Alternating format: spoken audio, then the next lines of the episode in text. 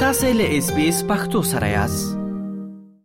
خغلی محب اقبال صاحب نړۍ مننه چې له اس بي اس پختو خبرونه سره خبرې کوي لومړی خو تاسو سره مې شوم السلام علیکم لخیل صاحب تاسو ته تاسو اوریدونکو ته سلامونه وړاندې کوم ډیره زیاته مننه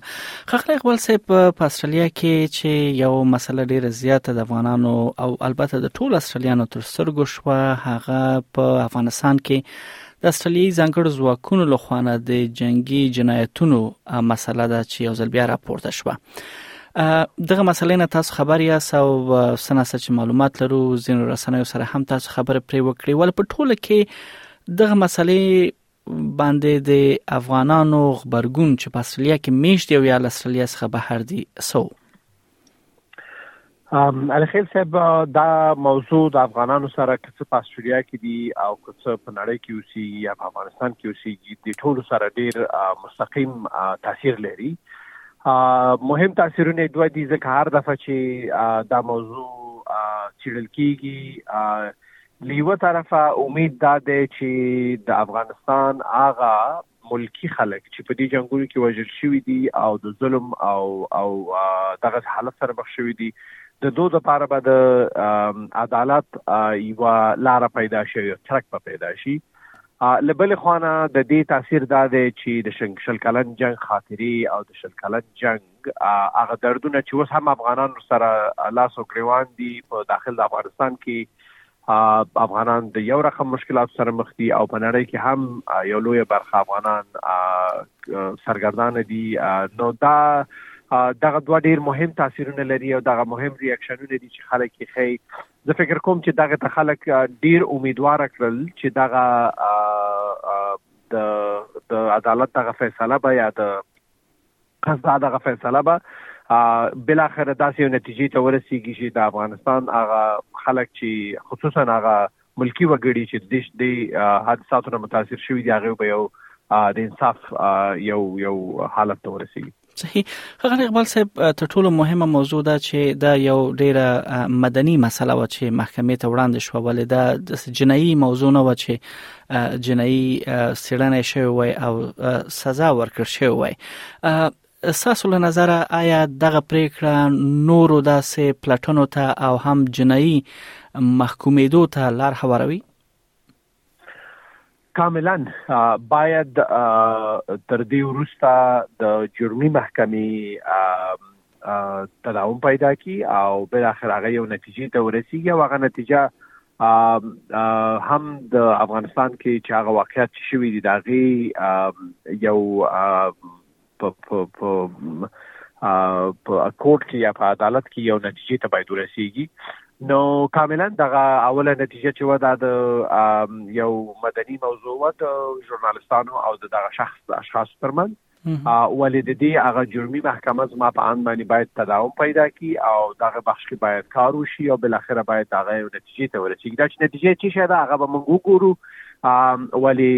زه کاملا په دې نظر يم او زه فکر کوم چې ډیر افغانان او حتی غیر افغانان په دې نظر دي دلته په استرالیا کې ډیر زیات خلک چې په دې کې په دې موضوعاتو کې د نظر خاوندان دي دي موضوعاتو کې کار کړی دی هغه ژورنالستان چې په دې موضوع باندې کار کړی دی هغه ټول په دې اند دي چې تر دې وروسته باید دا موضوع جرمي محکمې ته لاړ شي او جرمي محکمه باید په دې باندې خپل هغه اخیری تصمیم ته ورسي صحیح بل اقبال سم کله چې دغه راپور د دغه جنگي جنایتونو ادعا او پرانا کې خپور شو الته د هم سپارښتنه وشو چې په یو کال کې دننه هغه قضیه چې ومنل شوې چې دغه غیر یعنی جنگي جنایتونه تر سره شوې دي قربانیان هم د غوی نه دیش کسانو شمیر ذکر شو هغه ته د تاوان ورکولو یعنی غوښتنه یا وړاندیز شوی او په غیر رپورت یعنی وړاندې کولو وخت کې ولې دغه پیسې تر اوسه پورې سمره چې دغه معلومات موږ لرو یا دغه تاوان نه دی ورکړ شوی بل د حکومت بدلیدل هم دی طالبان هم اوس په واک کې دي ساسو له نظر دغه مسله لا نور هم پیچل شوې ده او یا استرالیا ته څه په کار دي چې په دغه سوالات کې وکړي د استرالیا حکومت په دې بخش کې زه فکر کوم چې د ناغېړۍ نه کار اخلي صحیح ده چې په افغانستان کې نظام بدل شوی یا حکومت بدل شوی دی ولی هغه خلک چې متضرر شوی دي دا غيو zarar لیدل په دې باندې فرق نه کوي چې افغانستان اوس په کوم شرایطو کې دی په کوم شرایطو کې نه دی په افغانستان کې او دا خلکو ته د انصاف او د عدالت تر رسیدلو یو برخه دغه ده چې دغه خلک هغه څه د کمپنسیشن یا هغه پیسې چې دوی د دغه جرمونو او یا دغه وضعیت مقابل کې ورته منل شوی وي باید ورته ورسیږي یعنی دا په دې هدف نه دی چې دوه خلک ته باید پیسې ورکړل شي ولې دغه پیسې ته هغه عدالت چې دا خلکو ته باید ورسیږي یو برخه ده که دا پیسې نه ورکول کیږي معنا دا چې استرالیا حکومت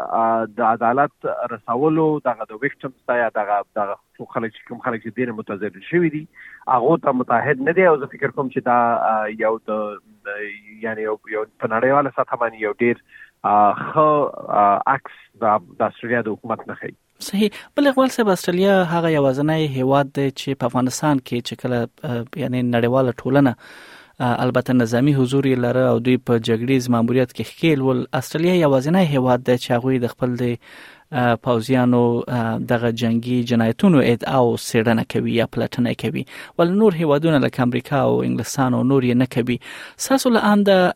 دغه سه خبر خبرېدل دا به په ټوله کې افغانانو لپاره چې په افغانستان کې دی او بهر دی دغه نړیوالو حضور یا نظامی حضور د هغوی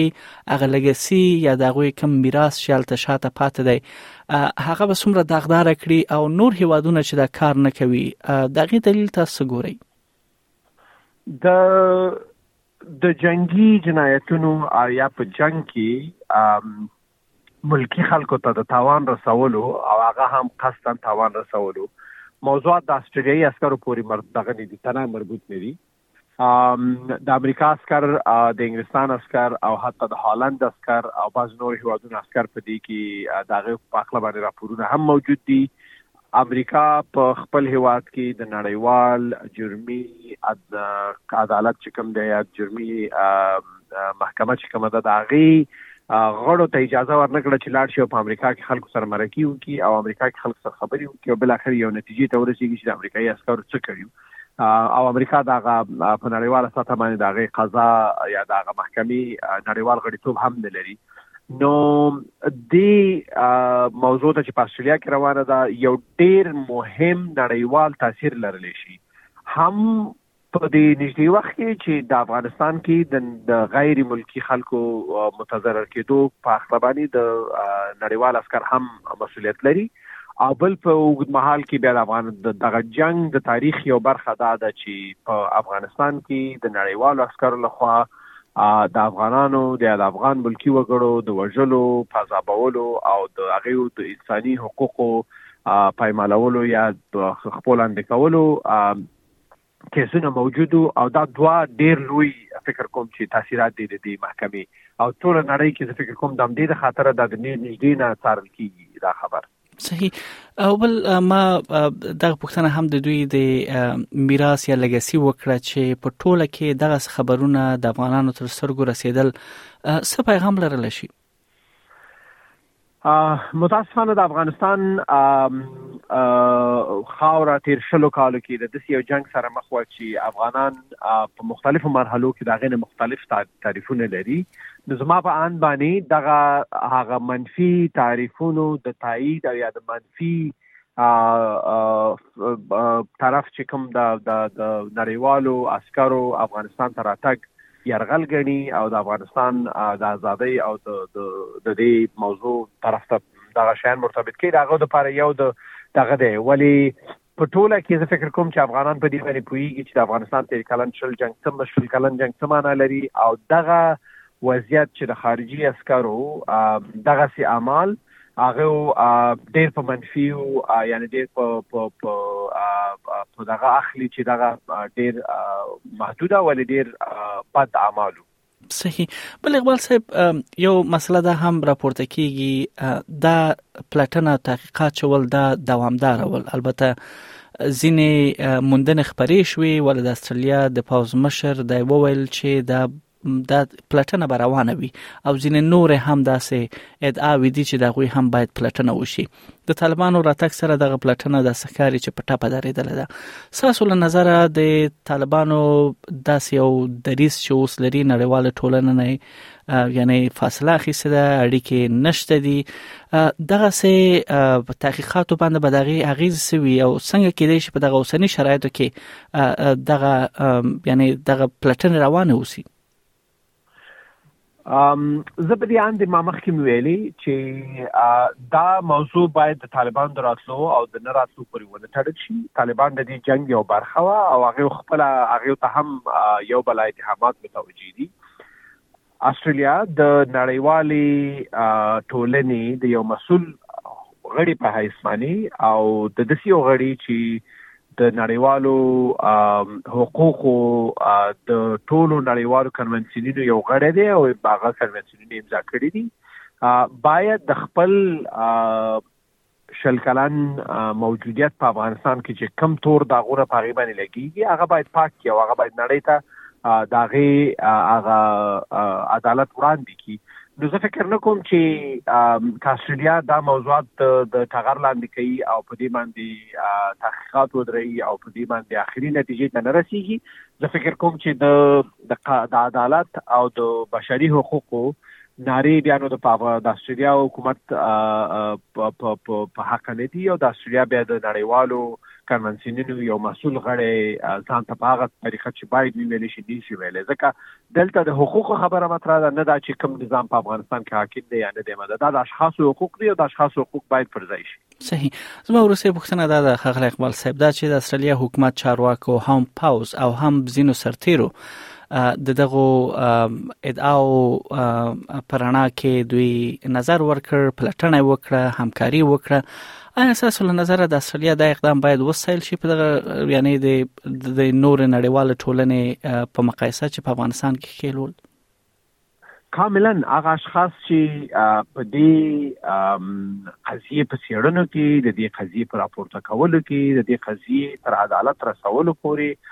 او د دې قضیه نړیوال کولو کې رول لوبولې زه فکر کوم د اشخاص ټول هغه اشخاص دي چې او هغه ادارې دي چې د د دغه ګامونه د قدر وړ دي او باید وسایل شي او زه فکر کوم چې په دې بخش کې اوس هم ډیر کار روان دی او ډیر خلک په دې بوخت دي چې بل اخره هغه جرمي محکمه هم دایر شي او هغه خپل تصمیم ته ورسیږي نو زه په ټوله کې فکر کوم چې دغه ک دولتي دي او ک غیر دولتي ادارې چې په دې پروسه کې داخلي دي دا د دې کارونو د قدر وړ دي البته که چیرته به د استرالیا حکومت په سیاسي ملحوظاتو باندې او یا په په نړیوالو روابطو په ملحوظاتو باندې دا موضوعات لمنځه وړي او اجازه نه ورکړي چې پر مخ لاړ شي او یو ځای کې بندوي دا بیا نو ډیر سوالونه راپورته کوي څنګه چې مخکې ویل چې د استرالیا د یو نړیوالې ټولنې د یو مسول غړي په حیث باندې هغه مسولیت د سوال لاندې وړي نړۍ مننه خغلی محب اقبال تاسو دلته په استرالیا کې د افغان استرالیا ملي شورا مشري چې یو ټولنه ده دغه هم کوي او خپل هم سیرون کې است د افغانستان پر مسایلو باندې پوي نو دغه نظر مونږ سره شریک کړ نو تاسو ښه چاره غواړم ډیره مننه علي خیل صاحب تاسو ته هم ښه چاري که غواړئ دغه سنوري کیسې هم او رینو د خپل پودکاسټ ګوګل پودکاسټ یا هم د خپل خاكي پر پودکاسټ یو اورئ